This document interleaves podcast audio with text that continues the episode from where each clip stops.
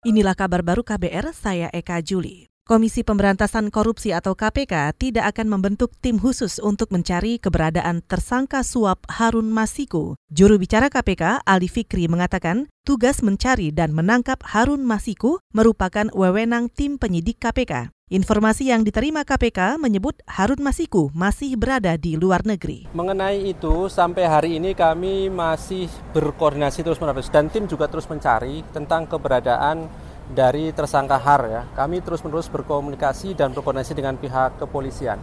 Adapun informasi yang kami terima bahwa yang bersangkutan ada di dalam negeri merupakan info yang sangat berharga bagi kami dan tentunya apa kami tetap untuk sementara ini berpedoman pada keterangan dari imigrasi. Juru bicara KPK Ali Fikri juga meminta kader PDIP itu menyerahkan diri agar bisa menerangkan secara utuh dan lengkap tentang kasus yang menjerat dirinya. KPK akan memberikan catatan Harun tidak kooperatif tatkala menjalani pemeriksaan. Dalam perkara ini, Harun Masiku diduga menyuap bekas komisioner KPU Wahyu Setiawan sebesar 900 juta rupiah. Penyuapan dilakukan untuk memuluskan proses pergantian antar waktu di DPR. Harun diduga berada di Singapura.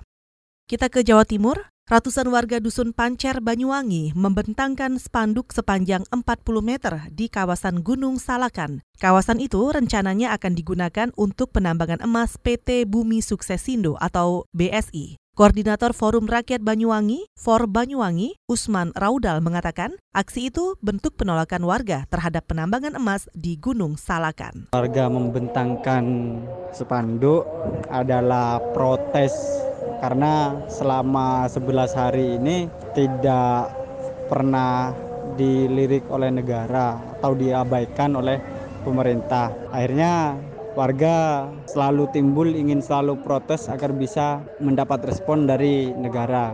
Pilihannya warga hanya tetap bertahan, Aksi pembentangan spanduk bertuliskan cabut izin usaha pertambangan PT DSI dan PT BSI itu juga untuk menghalangi tim peneliti dari Universitas Trisakti dan PT BSI yang berusaha masuk ke wilayah Gunung Salakan. Peneliti tersebut rencananya juga akan mengambil sampel buatan dengan dikawal personil Brimob Polda Jawa Timur. Menurut Usman, warga desa Sumber Agung akan bertahan di tenda perjuangan yang didirikan di kawasan Gunung Salakan hingga 45 hari ke depan. Kita ke bursa saham. Pergerakan indeks harga saham gabungan atau IHSG dibuka menguat tipis. Selengkapnya disampaikan jurnalis KBR Astri Yuwanasari. Saudara pergerakan indeks harga saham gabungan IHSG dibuka dengan kenaikan 0,12 persen atau 7,73 poin di level 6.293,78 pada perdagangan pagi ini, Jumat 17 Januari 2020. Pergerakan IHSG tertekan sepanjang perdagangan Kamis kemarin.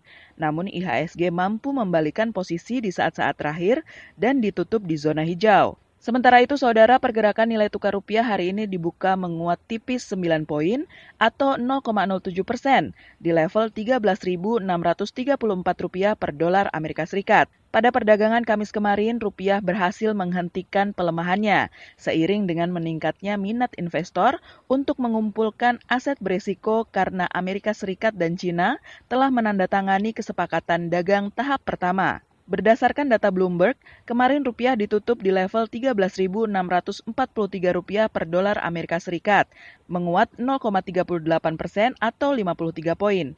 Dari Bursa Efek Indonesia, Astri Yuwanasari, KBR.